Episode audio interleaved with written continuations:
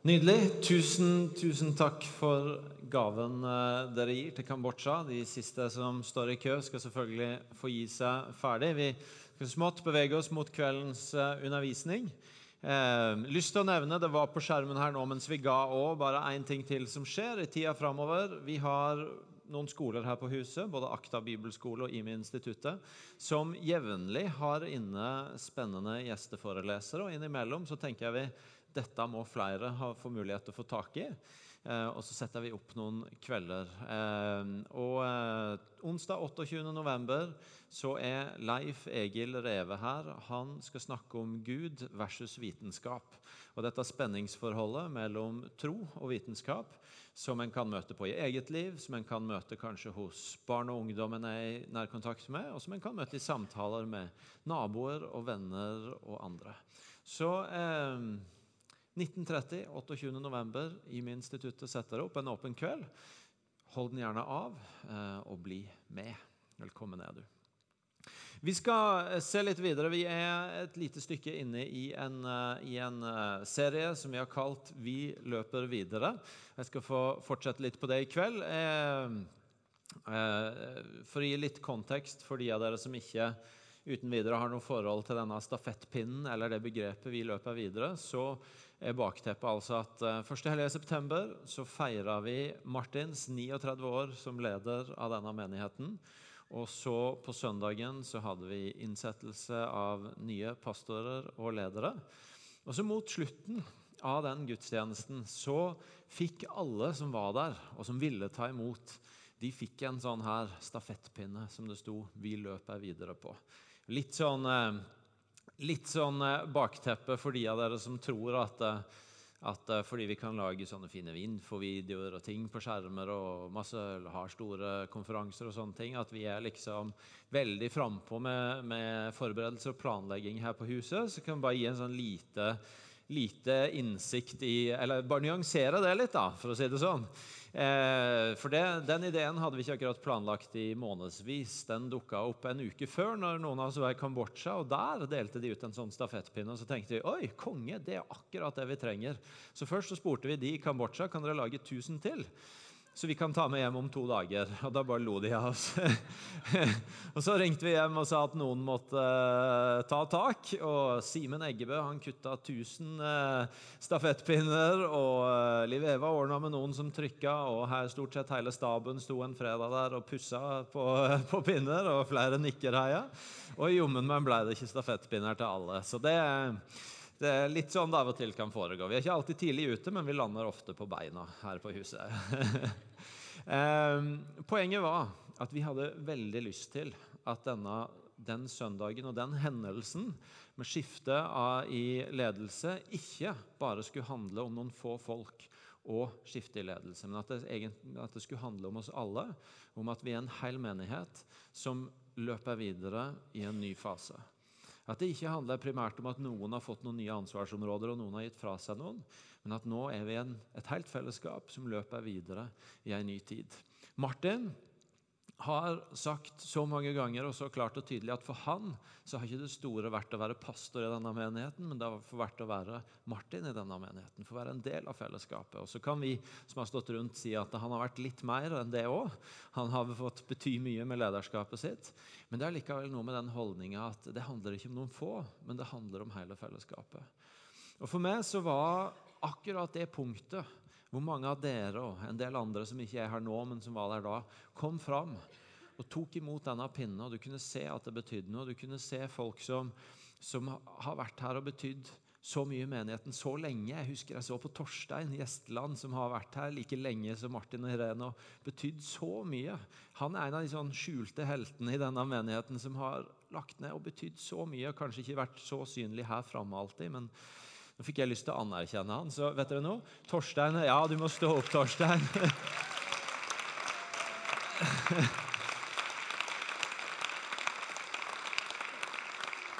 Vi, vi, er, altså vi er velsigna med en, en, en, eiendomsdrift på dette huset som, som, er med på å legge et så viktig fundament for det vi gjør. Og Torstein har i flere tiår ja, lagt ned så mye av sitt liv i det. Så den applausen var en liten anerkjennelse av noe veldig veldig mye. Men, men jeg så Torstein komme fram, bevega. Jeg tror til og med jeg så et par tårer i øyekroken.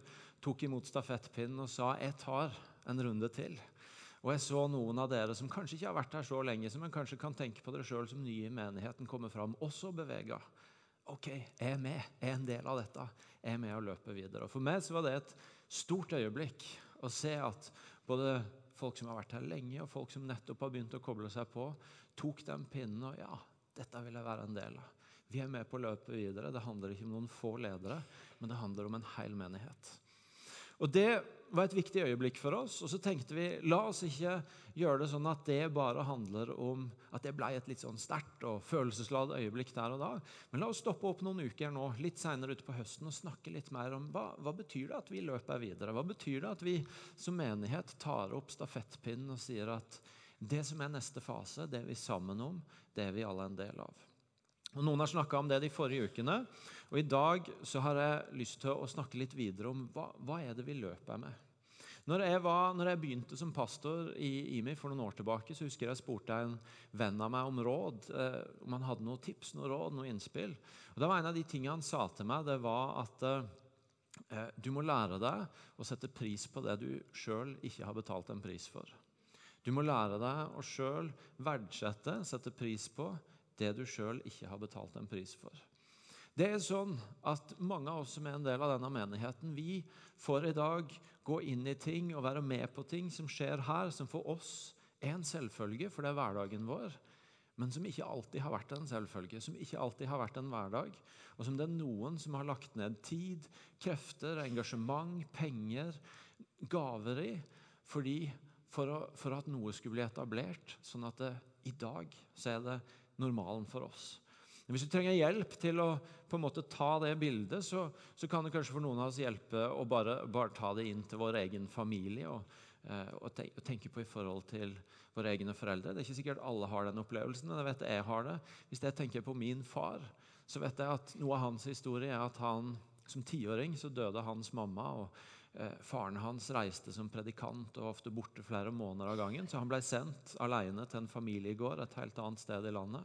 Når han ble 14, så reiste han alene til sjøs. Bare tanken på at jeg skulle reise til sjøs som 14-åring, er jo latterlig. Det hadde jo virkelig ikke gått på noe som helst vis. Eh, og han blei ble der i syv år. Ingen så noe mer til ham på syv år før han kom hjem. og Så møtte han òg Jesus, og så endra hans retning seg, og han òg ble predikant.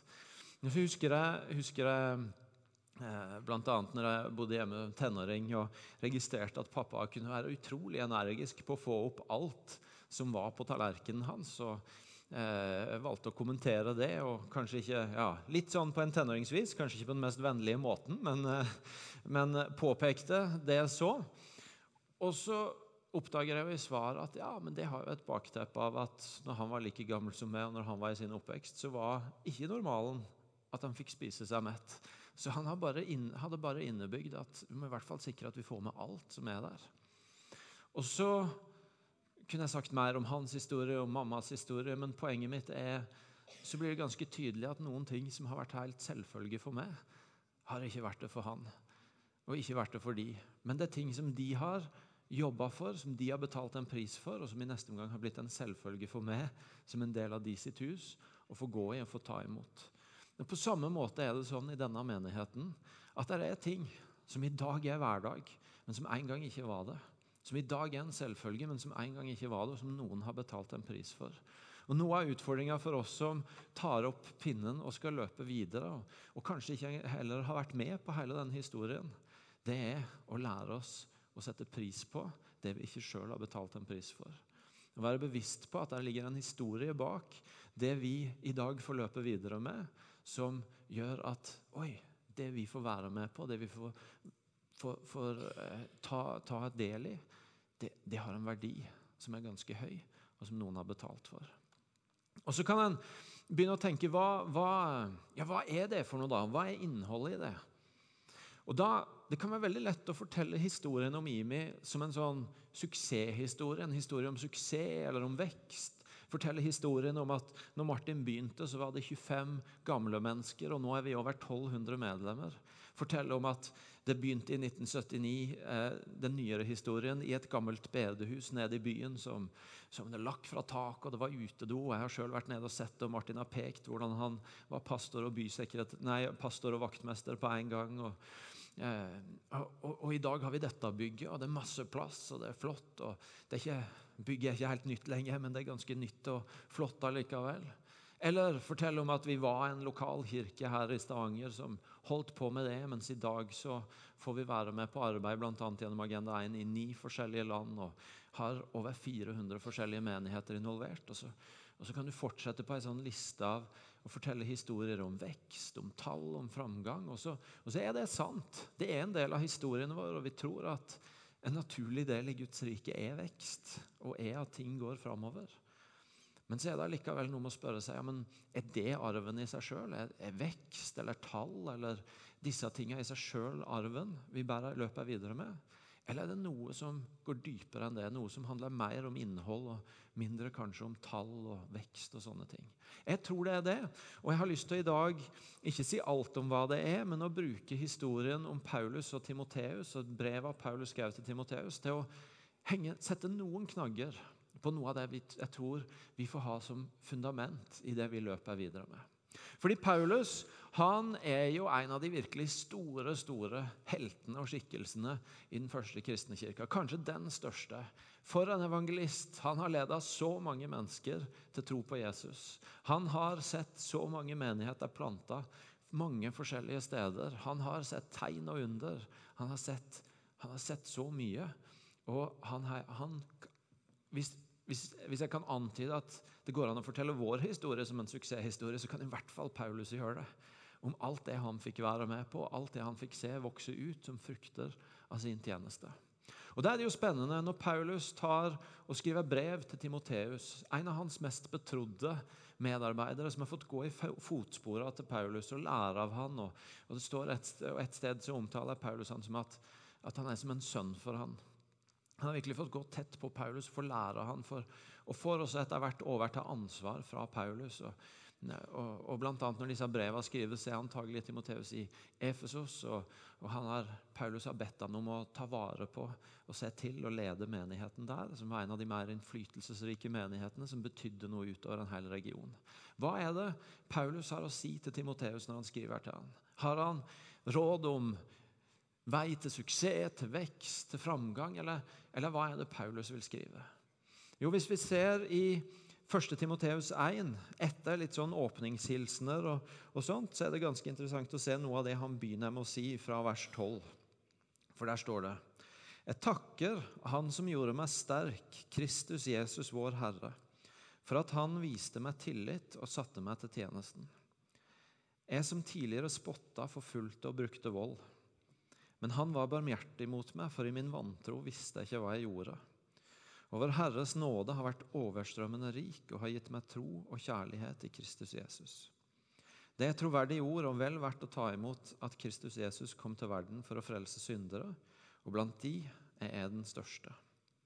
Men når jeg fikk barmhjertighet, var det for at Kristus Jesus skulle vise hele sin tålmodighet på meg som den første, til et forbilde for de som senere skulle komme til å tro på Han og få evig liv. Han som er konge i evighet, den uforgjengelige, usynlige, eneste Gud. Han være pris og ære i all evighet. Jeg synes Det er fascinerende at når Paulus begynner å skrive til Timoteus, så begynner han ikke med å skrive om at i lys av alt det jeg har oppnådd, så vil jeg gi deg et par tips, og det er som følger. Men han skriver faktisk for det første vet du noe, jeg er glad for at jeg får lov til å holde på. Jeg er takknemlig til Gud for at han har vist meg den tilliten at jeg får lov til å ha en tjeneste.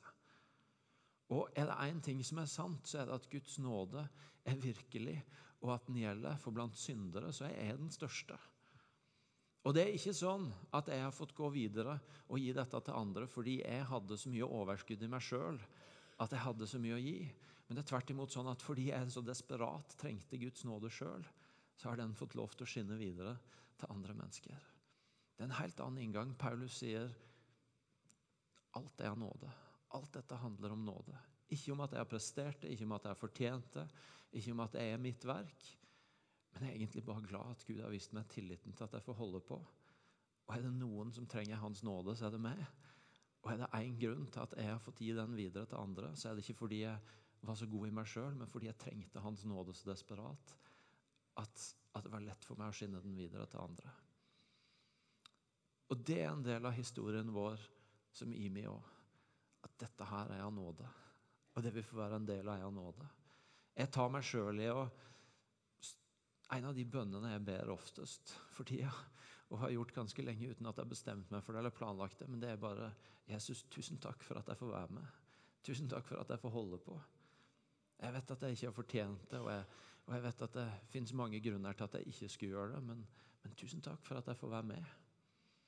Og Jeg har fått gleden av å gå tett på Martin i mange år. og En av de tingene som han har vært sånn helt notorisk på, det er at når folk skal ha han til å si hva er nøkkelen bak at IMI har blitt som det har blitt, og vokst som det har vokst, så nekter han alltid å svare. Fordi han sier til syvende og sist så vet vi ikke, for det er Gud og ikke oss. Det er Hans nåde og ikke vår prestasjon. Og derfor så, Jeg kan fortelle historien om hva Gud har gjort, og hva vi har opplevd. Men jeg kan ikke prøve meg på å gi dere nøklene til vekst. Fordi til syvende og sist så er det nåde. Det er Han som har gjort det, og vi har ikke fortjent det. Og Det kan hende at du av og til kommer inn i dette huset og tenker er det bruk for meg her? Er det plass til meg her?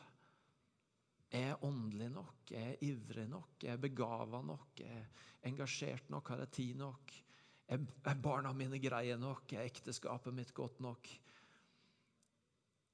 Og så er det sånn med oss alle her inne at det er lett for oss å begynne å fortelle historier om hvorfor vi ikke hadde fortjent å være en del av dette. Men vi er alle blitt tatt inn i historien om Guds nåde, hvor det er plass til alle å få lov til å være med. Og det er ditt og mitt utgangspunkt. Ikke om vi er gode nok for det, ikke om vi er ivrige nok for det, ikke om vi er fromme nok for det. Ikke om vi den ene dagen eller den neste dagen føler at vi passer inn eller ikke. Men egentlig bare at Tusen takk, Jesus, for at jeg får lov til å være med. Og for at din nåde er virksom. Og for at, og for at du lar oss få holde på for om vi ikke har fortjent det.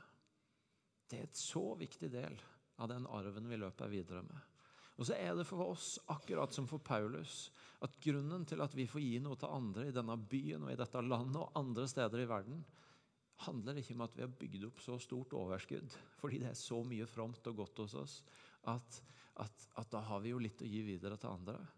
Men det handler om at fordi vi så desperat sjøl trengte Guds nåde, så er det mulig for oss å gi den videre til andre. Den er ferskvare hos oss, og Derfor er det mulig å gi videre til andre. Det er utgangspunktet vårt. Vi er ikke en gjeng som klarte det så godt at vi kunne jobbe for Gud, men vi er en gjeng som trengte Gud så mye at han kunne bruke oss. Alt det er nåde. Paulus begynner der, og det er historien vår òg. En historie om nåde, om å få lov til å være en del av en gjeng som sier takk, Jesus, for at vi får lov til å være med, for at vi får lov til å holde på. Og Så fortsetter Paulus med å skrive til Timoteus i vers 18. Timoteus, mitt barn, slik er oppdraget jeg nå overgir til deg, i samsvar med de profetiene som før er talt til deg. Ved de skal du stride den gode strid. Paulus taler til de profetiene som er talt over Timoteus. Jeg overgir til deg et oppdrag i samsvar med de profetiene som før er talt til deg. Og Flere ganger senere så henviser også Paulus i dette brevet til det som Gud har lagt ned i Timoteus, eller det som Gud har talt over Timoteus. Det står i kapittel 4, vers 14.: Forsøm ikke den nådegaven du har fått, den du fikk på grunnlag av profetiske ord, da Eldsterådet la sine hender på deg. Og det står i kapittel 6, vers 20.: Kjære Timoteus, ta vare på det som er betrodd deg. Paulus gjentar flere ganger 'husk på' det som er talt over livet ditt. Og eh, ta vare på og gi plass til det som, eh, det som Gud har lagt ned i deg. Og Det er en annen side ved det som er fundamentet vårt, det som er arven vi løper videre med i denne menigheten. Det er at Over denne menigheten så har Gud gjennom tida sagt noen ting. Og han har lagt ned og planta noen ting i fellesskapet vårt som vi får lov til å ta, holde fast i og løpe videre med. For eksempel, og jeg skal ikke det, det har vært flere prekener i seg sjøl å begynne å brodere ut alt hva det er. Men f.eks. en kjempeviktig ting å hente opp fra historien vår, det er at det, en av profetiene som er kommet over menigheten når vi fikk dette huset, det er at dette huset skal bli fylt av mennesker som ennå ikke kjenner Jesus. Og Det betyr at det skal leve i oss en sånn grunnleggende erkjennelse av at dypest sett så er ikke dette huset vårt, men det tilhører noen som ennå ikke vet om at de hører hjemme her, og at, de, og at Jesus er vennen deres. Det er, det, vi får lov til å være her, og vi får lov til å forvalte det, og vi er glad for det, men dypest sett så er det ikke vårt, men det tilhører noen som ennå ikke vet om det. Og det ligger så dypt i hvem vi er.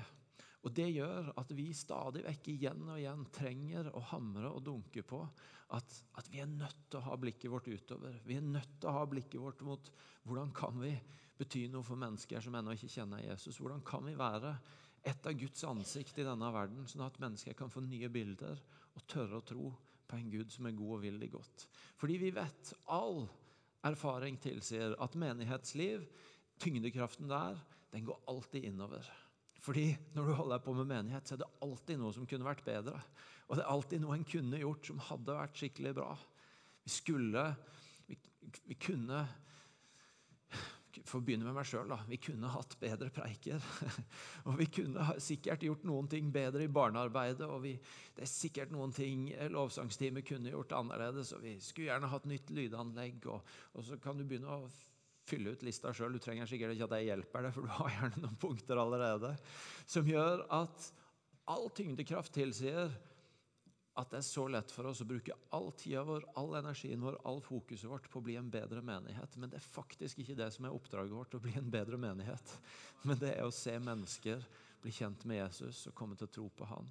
Og Det betyr at vi er nødt til å hamre på at vi må ut. Derfor er vi nødt til å begynne denne høsten med å snakke seks uker om frimodig tro. Om hva, hvordan ser det ut for meg og du å ikke skygge unna mulighetene til å snakke om Han, men å heller gripe dem på en måte som gjør at flere kan få et drypp av Han i hverdagen sin. Det betyr at huskirkene må tåle at de som følger de opp, Irene i spissen og flere med, stadig vekk hamrer på at selv om dere har det aldri så godt og fint og hyggelig i de huskirkene, så er det nødt til å være plass der for noen nye som ikke kjenner Han. Fordi det er til syvende og sist de dette her fellesskapet hører til. Og, og, og jeg kunne fortsatt å gi eksempler, men men vi er bare nødt til å, selv om det noen ganger kjennes utfordrende, selv om det noen ganger tenker å, det hadde vært godt om den utfordringa gikk over. Den kan aldri gå over. For det er så grunnleggende i hvem vi er. Vi er nødt til å ut. Og Det er et av de viktigste profetiske ordene som har lyttet over huset vårt. Så er det en annen side ved dette, og det er at gjennom åra, når, når Gud har gjort ting blant oss, når folk har lagt ned ting, så har, så har Gud planta et liv midt iblant oss. Et liv som, eh, som vi, vi, vi, kaller det gjerne en kultur. Ting som vi har fanga opp, og som er blitt en del av måten vi gjør livet på sammen som menighet. Og som vi oppdager at oi, her er det verdifulle ting for oss å ta vare på og gi videre. Og igjen, jeg kan ikke bruke, Det hadde vært en tale i seg sjøl å begynne å utbrodere det, men noen av dere kjenner igjen trekanten, som vi ofte bruker for å på en enkel måte beskrive hva det er. Guds nærvær at vi tror på en Gud som er levende og som er nær, og som går an å bli kjent med og erfare og, og ha en relasjon med, et vennskap med. En Gud du ikke bare kan ha kunnskap om, men som du kan få et vennskap med. Og som gjør at vi er opptatt av å tilbe, opptatt av ting som, som trekker oss nær Han som er nær oss. Sånn at vi kan få en relasjon med Han, og ikke bare kunnskap om Han. Det betyr at vi tror på at menigheten skal være noe mer enn en gjeng som møter opp på samme sted til samme tid en gang i uka. At, at, vi møter et bilde i Bibelen av at den er en familie. Og Det er ikke alltid vi lykkes med det. Og, det fins altfor mange historier om de gangene vi ikke fikk det til, men vi strekker oss mot det, for vi tror at det er noe av det Gud har gitt oss å være. Og, og, og så tror vi at vi har fått et mandat til å vise denne verden at Gud er god, gjennom praktisk godhet, gjennom tegn og under og mirakler hvor mennesker Oi, der skjedde det noe som jeg ikke kan forklare. Det gir meg kanskje noen nye tanker om hvem Gud er. Og selvfølgelig gjennom å med ord fortelle nye historier om hvem han er. Og så er Noe av det spennende at når vi i de siste åra har begynt å gi dette videre til andre steder Vi har starta noe som heter Agenda 1, et menighetsnettverk hvor vi får reise andre steder, både i Norge og andre steder i verden, og, og gi videre av det livet Gud har gitt oss. Så har vi lagd en flott pakke. Vi har en sånn egen manual med undervisningen. Sånn, dette er det vi underviser om disippelskap og misjon. Og Vi har laget en, en, form på hvordan det foregår, med en prosess og et lærefellesskap som er kjempebra. Alt det der er bra. Men allikevel så er det som kommer tilbake til oss som en tilbakemelding, det er at redskapet og undervisninga og innholdet er bra, men det vi, det vi vil ha tak i, det er livet deres. Det er det livet dere bærer med dere. Det er den kulturen er ofte et ord mange bruker, som dere har. Det er det vi virkelig trenger. Og Det er det vi har lyst til å ha tak i. Et vitnesbyrd tilbake om at det Gud har lagt ned hos oss, det livet han har gitt oss som fellesskap her, det er så verdifullt at det får bety noe for andre. Det er andre som vil ha tak i det. Det som, for å ta det tilbake til innledninga mi, som for oss er blitt en selvfølge, er for andre ikke en selvfølge, men noe de sier dette må dere komme og vise oss. Dette har vi lyst til å ha tak i. Jeg har lyst til at dere skal få møte en annen stemme på det enn min egen. fordi at Et av de landene vi de siste åra har fått begynne å være i den prosessen med, det er Cuba. Mariann hun kom nettopp hjem fra Cuba. Dere kan gi henne en applaus på vei opp hit.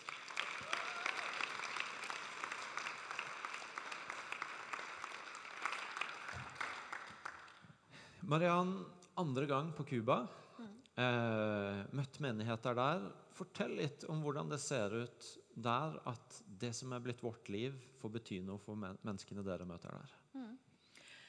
Første gang vi var, var altså i mai, så det er ikke lenge siden. Det er kort tid siden. Og det er ca. 50-60 mennesker fra 18-19 menigheter som kommer fra tre provinser. Og dette her er ikke turist-Cuba, dette her er fattig-Cuba. ikke sant? Eh, og det er veldig begrensa med ressurser. Men det er noen ting de er kjempeflinke på. De er kjempeflinke til å be, f.eks. De kan be på inn- og utpust i mange timer. Men det var helt nytt for dem å lytte til Gud. Så når vi var snakket om det i mai, så kom det som sånn Hæ? Snakker han til oss? En ting som helt, eh, vi tar for gitt her med bønnemodellen som vi har, ikke sant? med at vi inviterer Den hellige ånd, vi lytter, vi taler ut og vi velsigner, det var plutselig helt revolusjonerende. Og det tok de.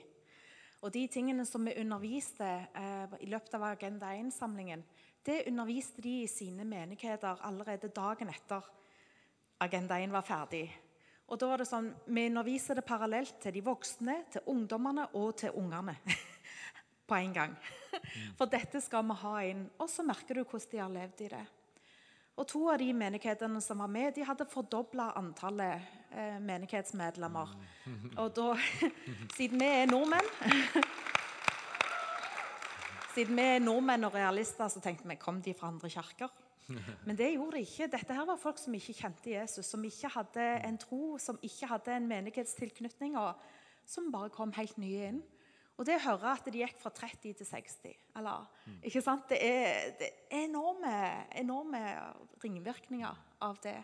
Veldig spennende å høre om hvordan de ber for syke. Det hadde de heller ikke en tradisjon for å gjøre. Eller Det vil si, det hendte at de ba for syke, men da fikk de den øverste menighetslederen til å komme og gjøre det. Og Hvis han eller hun var vekkreist, da var det ikke bønn for syke.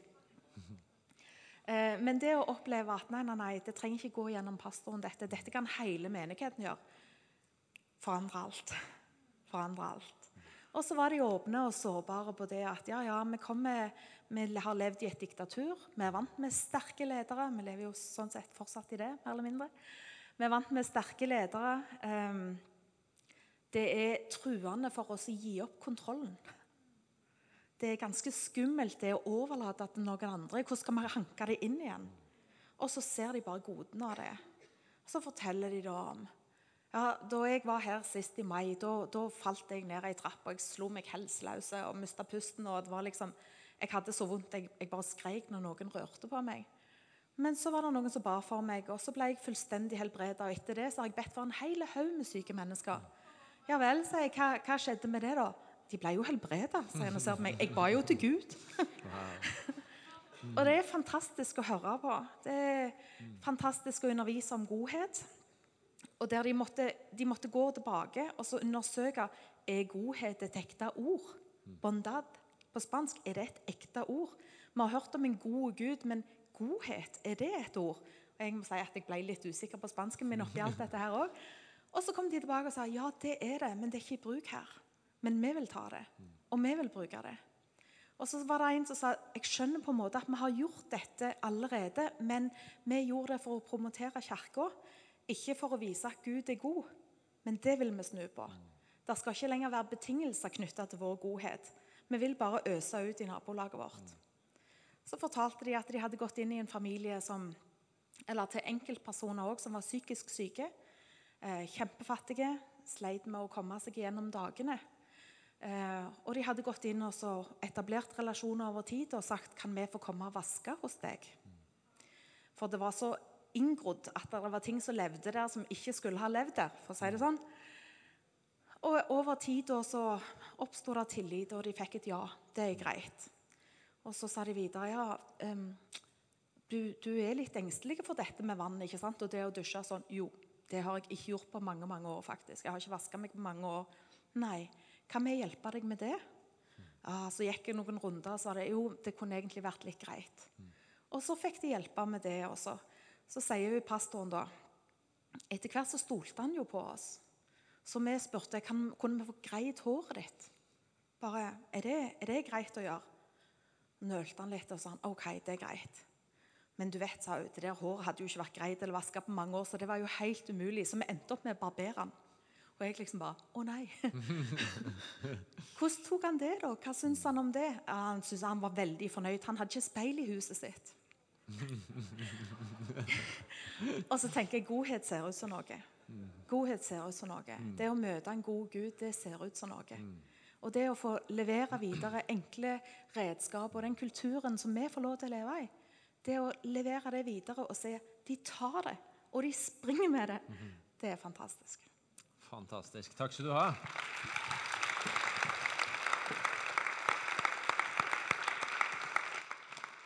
En av utrolig viktige tingene, her, mange oppmuntrende ting som Mariann deler fra Cuba, det er jo dette her med fokuset på at alle kan være med på det. Det er så viktig for oss. Vi, vi tror at Gud gir noen gave til å helbrede, men vi tror at alle kan være for syke. og vi er legger mest av vekta vår på hvordan vi kan utruste alle til å være med på det. Vi, vi, tror at Gud gir noen gave til å være evangelister og på en spesiell måte dele, men vi tror at alle kan snakke om Jesus. Og vi er aller mest opptatt av å utruste på det. Vi tror at noen får gave til å vise barmhjertighet og til å, til å, til å vise omsorg, men alle kan vise godhet. Og vi legger en vekt på å utruste alle til det. Og så er det som Mariann sier, at, at når, når folk begynner å få taket på det, så er det utrolig mye spennende som kan skje.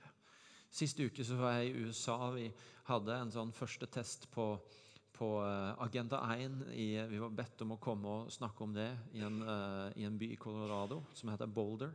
Og uh, vi var ganske sånn Hva i all verden har vi i USA å gjøre? Det fins all verdens av ting og eksperter og bøker og opplegg og alt mulig. Og kommer en sånn middels menighet fra Sør-Vestland og, og skal gjøre et eller annet der. Og så er det igjen bare det samme at ja da, vi, vi, De sa det til og med med rene ord. Det dere, det dere viser oss, det dere underviser, det tror vi egentlig vi kan. Men dere har med dere noe på sida, og det har vi lyst til å ha tak i. Så vi vil gjerne at dere kommer og kjører lærerfellesskap der.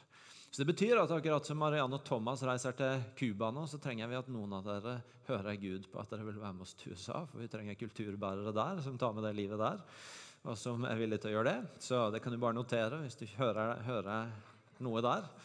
Eller er glad i IHOP eller et eller annet. Um, poenget er Gud har gitt oss et liv her som får velsigne både andre mennesker i denne byen og andre steder i verden. Og jeg må si for min del, etter tolv år i denne menigheten, det er mange ting her som jeg er takknemlig for, men som, som på en måte jeg holder lett i.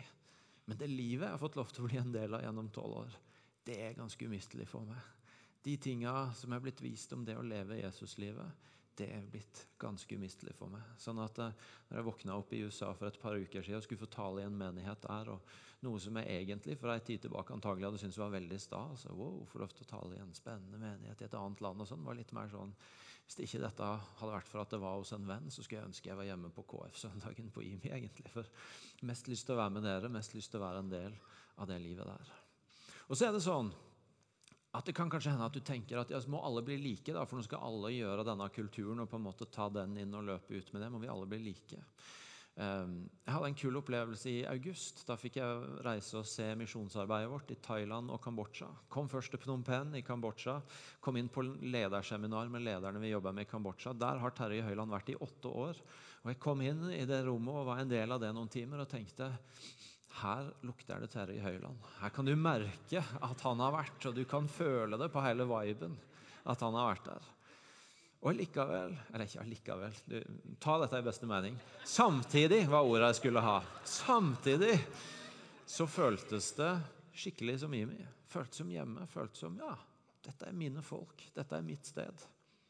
Og så reiste jeg videre til Thailand, som Kjartan Sørheim har leda i mange år. Og Så kom jeg inn og var med lederne der, og så tenkte jeg her lukter det Kjartan.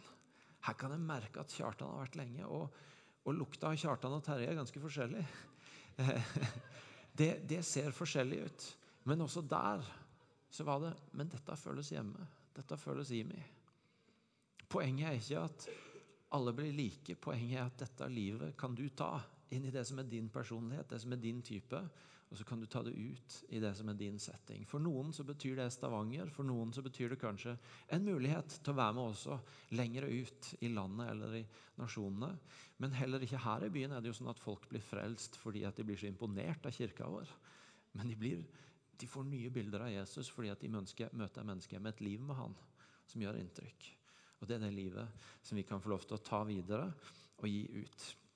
Tida går fort. Jeg skal prøve å eh, ta det siste punktet mitt veldig raskt. Paulus skriver også til Timoteus eh, eh, no, noe, noen steder. Han skriver f.eks. i kapittel 6, vers 11.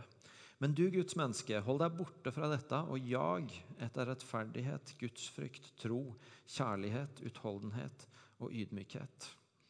Jag etter rettferdighet, gudsfrykt, tro, kjærlighet, utholdenhet og ydmykhet. Han sier også i kapittel 4, vers 7. Øv deg heller i gudsfrykt. Øv deg heller i gudsfrykt. Og Jeg kunne nevnt andre steder òg hvor, hvor, det er noe av det samme at, at han skriver om dette. Det er mer for deg. Jag etter gudsfrykt, jag etter kjærlighet, eller jag etter tro. Han har, han har, fått ta imot så mye fra Paulus, men han sier det er mer. Jag etter disse tingene, få tak i mer av dem. Og det er den siste tingen jeg har lyst til å si i kveld, at det er en del av den arven vi løper videre med, som en del av de vi er som kirke, det er at vi tror at det er mer. Vi tror at Gud har mer for oss, og vi tror at vi ikke er i mål. At ikke når vi har sett det vi har sett nå, så har vi sett nok. Og nå handler det bare om å få distribuert det mest mulig ut til folk, både her i byen og andre steder. Men vi tror at Gud har mer for oss. At det fins mer å, å, å grave ned i. Og det, Jeg vet at det er noen av dere som av og til føler det litt sånn at jeg tenker når vi hamrer på på en av de tingene som, som Gud gir, og så tenker jeg ja, nå, det går vel snart over igjen, og så blir det vanlig.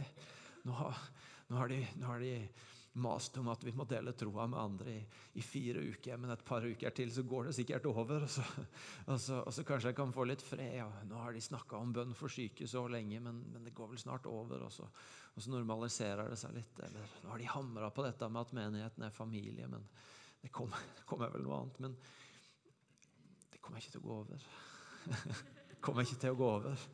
Fordi vi tror at Gud har mer for oss. Vi tror at Gud har mer for oss, og vi tror at det er en del av det denne kirka er, og som har vært en del av denne kirkas historie. Det at vi har tort å gå for at det er mer. Noen ganger så utfordrer det, noen ganger så ser det uvant ut. Noen ganger så, så, så dunker det litt underveis. Men vi tror at det er noe av rolla vår å være noen som tør å si at det er mer, og vi kan ikke stoppe opp, og, og, vi må grave dypere, fordi Gud har mer for oss. Og Det er en del av det en er med på når en er med på å løpe med denne pinnen her og si vi løper videre i neste fase også.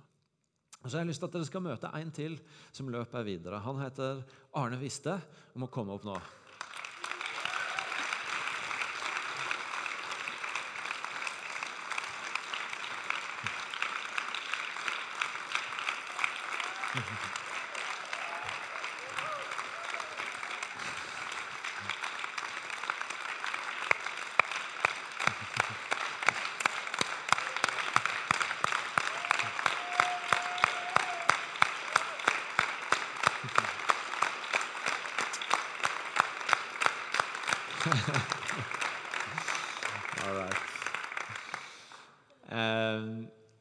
Arne er en helt vanlig mann. Som bor på Sola. Familiemann, ingeniør. I formiddag så sto han her med ei blå T-skjorte fordi en av måtene han løper videre på, er at han i mange, mange år, ca. tredje hver søndag, forteller barna våre Gi videre det livet vi har fått til barna våre. Eh, og så har han de siste åra også løpt videre på en annen måte. og, og eh, på torsdag klokken 07 så sto det en gjeng politimenn på døra di med en siktelse. Og de ransakte huset ditt, de la beslag på telefonen din. Hva var det egentlig som skjedde? Ja, det var en Jeg løper jo en litt annen retning enn kanskje de fleste andre. Så håper, håper de ikke er helt på villspor. Men det er et kall fra Gud, da, så er jeg nokså trygg. Og jeg vet at han har leda veldig sterkt eh, på helt ufattelige måter. Men på, på, torsdag så var det klokka sju så kom det en politipatrulje. og Det er fordi de har ansatt ureturnerbare asylsøkere som er helt eh, Har nesten ingen rettigheter eh, og lever under uverdige forhold midt iblant oss i Norge. Så har ansatt de for å få en rettslig avklaring på det. Og det er tre og et halvt år siden jeg ansatte den første jente her i menigheten. Eh, men politiet er jo gode mennesker. Og eh, myndigheten vår er jo satt til å støtte det gode og hindre det onde. Og dette er litt vanskelig for alle. Så istedenfor å ta det til retten for tre og et halvt år siden, så ville de bare lukke øynene. Og så har jeg skreket og ropt og sagt at vi må få en rettslig avklaring i tre og et halvt år. Og da, må, da trenger jeg at de tar fatt i saken. Og det gjorde de da på torsdag. Og ifra å rote rundt med å ikke ville se, ikke ville snakke, ikke ville gjøre noe, men likevel prøve å stoppe meg på alle mulige litt dumme måter, så tok de det på torsdag inn i et helt riktig juridisk spor. De sa at jeg er sikta. Det innebærer en del rettigheter som gjør at jeg får gratis forsvarer og ting. Samtidig så er det vanskelig for politiet, for de har ikke noe vei ut av det nå. Nå blir det et løp inn til, til domstolen og Høyesterett og en beslutning på den saken. da. Men du må, eh, altså For de som ikke kjenner dette her så godt, så du har begynt å si litt om det, men det er klart at normalt sett så vil vi kanskje stå her og feire at du var blitt sikta. Eh, eh, så kan du forklare for oss hvorfor dette er en god ting? Det handler jo om mange ting. Det handler om å, å korte prosessen inn mot en rettslig avklaring.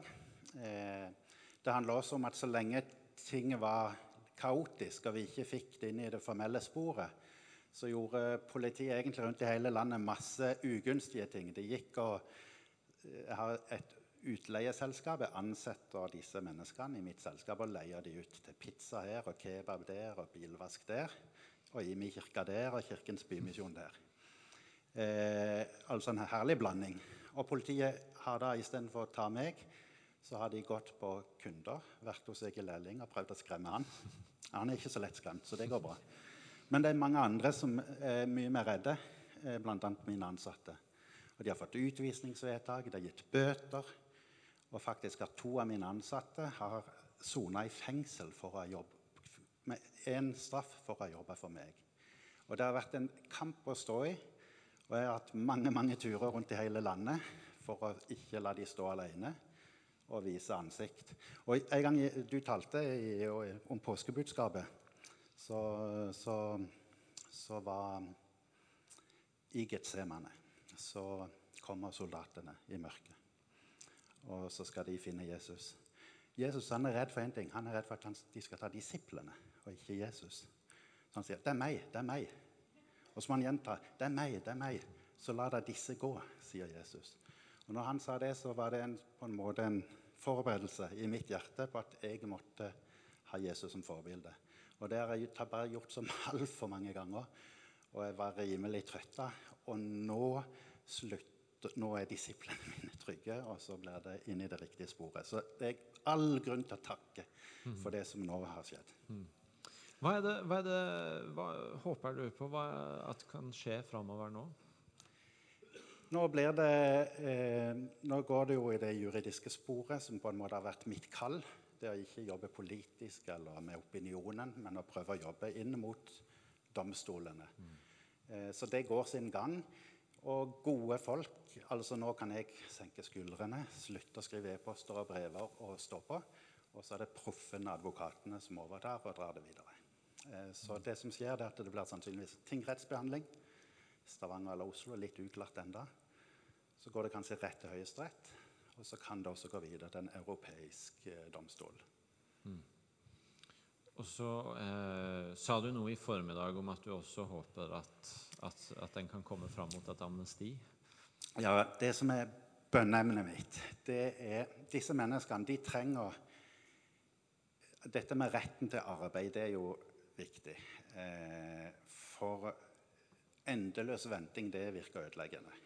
Så i våre fengsler så er det en del av rutinen at vi skal bygge opp menneskene. Alle må jobbe. Eh, og det å si at En ting er å gå arbeidsledig, det har jeg sjøl gjort. Eh, da kan du søke jobber, og du har på en måte eh, muligheten. Men å bli fratatt enhver mulighet, det er noe annet.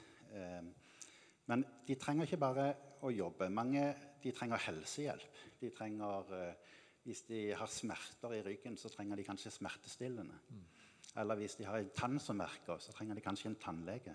Og disse menneskene får ikke det hvis ikke de er heldige og kjenner noen som hjelper dem.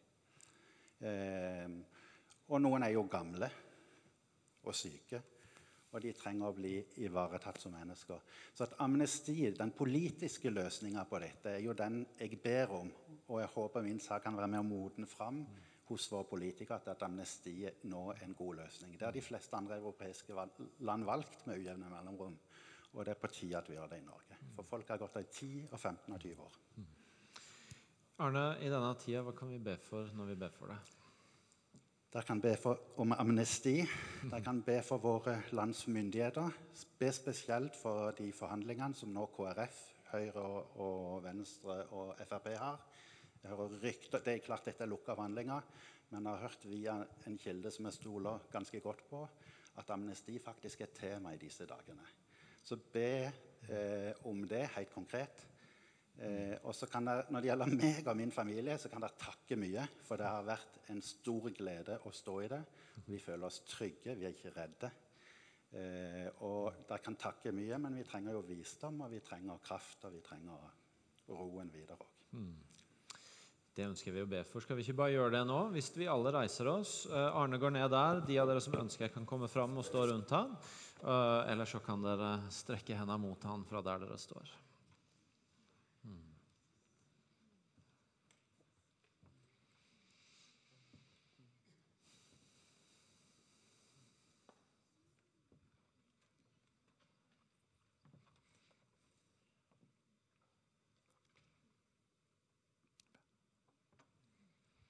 Kjære gode far.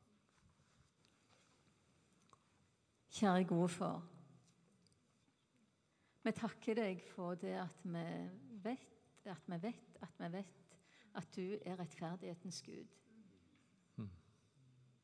Du er rettferdighet, du vil rettferdighet. Vi takker deg for at du har ikledd Arne rettferdighetens kappe på en helt spesiell måte. Vi takker deg for den freden som du nå fyller han med. Vi takker deg for det kallet du har lagt på hans liv. Vi takker deg for at du går foran. Du åpner dører.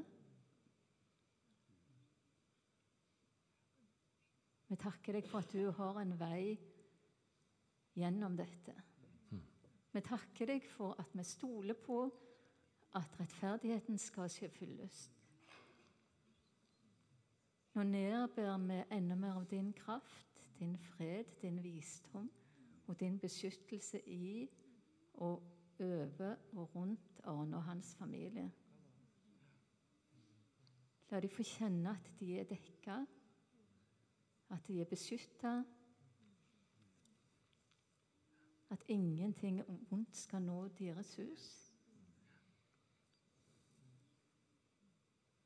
Og vi takker deg for at du, du vil rettferdighet. La rettferdigheten skje fylde. Mm. Amen. Amen. Amen.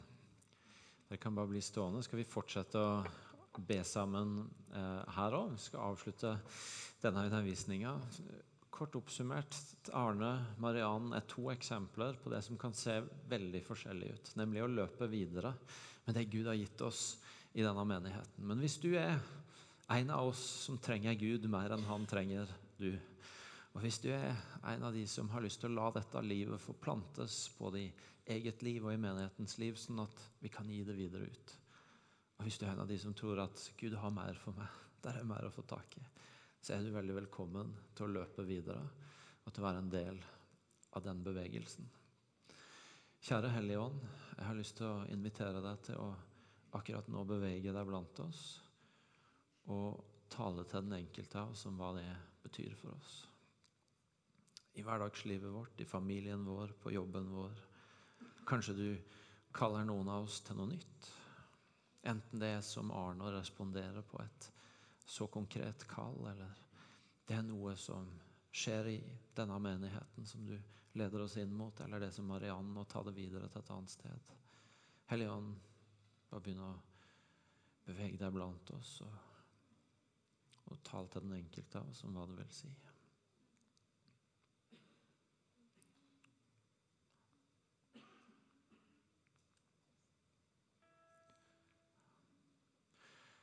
Så har jeg lyst til å For du som gjenkjenner at du er en som mange ganger har plassert deg sjøl på utsida og tenkt at det er ikke plass til meg i dette her, og som bare trengte å høre at for Paulus og for meg og for alle oss her inne så er fundamentet nåde. At vi er en gjeng som løper videre, ikke fordi vi fikk det til, men fordi vi trengte Han. Så kan du bare gi ei hand i været, og så har jeg lyst til å be for deg nå om at budskapet om nåde også skal få plante seg dypt i ditt hjerte denne kvelden. Så bare gi jeg hånd i været hvis det er du, og så vil jeg be for deg. Nydelig. Jeg ser flere hender. Ja. Mm. Jesus, du ser brødre og søstre som kjenner igjen. At en ikke alltid har klart å se seg sjøl som en del av På ulike måter tenkt at en ikke passer inn eller ikke er god nok. Eller ikke har det som, det som du ber om. Jeg ber deg om at dette skal få være en kveld hvor Paulus sine ord er bare dyp takknemlighet og erkjennelse av at uten din nåde så hadde det ikke vært noe. Også skal få plante seg i, våre hjerter, hele fellesskapet, men også spesielt i akkurat disse sine hjerter som nå har gitt til kjenne at de trenger det.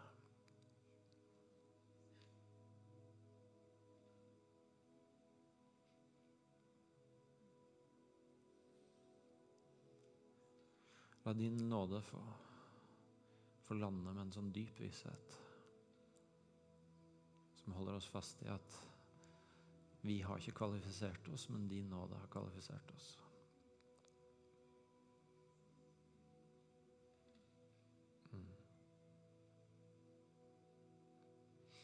I dette fellesskapet så halter vi alle, men alle får lov til å være med fordi du er nådig, og du elsker.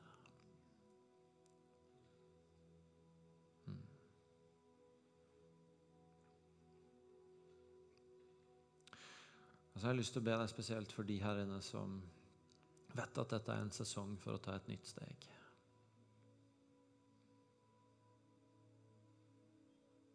At du gir mot til å handle.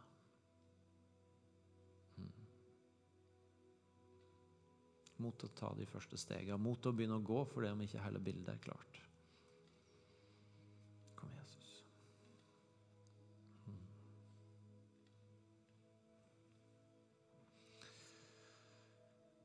Skal tilbe sammen. Hvis enten noe av det jeg har talt om, eller du kommer med noe annet i dag som en situasjon i ditt liv, noe som er utfordrende, en sykdom eller smerte, så mens vi begynner å tilbe, så går også forberederne bak på sida der, i hjørnet der og vil gjerne be for deg. Så du kan bare begynne å gå til forbønn med en gang. Så skal vi tilbe sammen før Geir tar oss videre.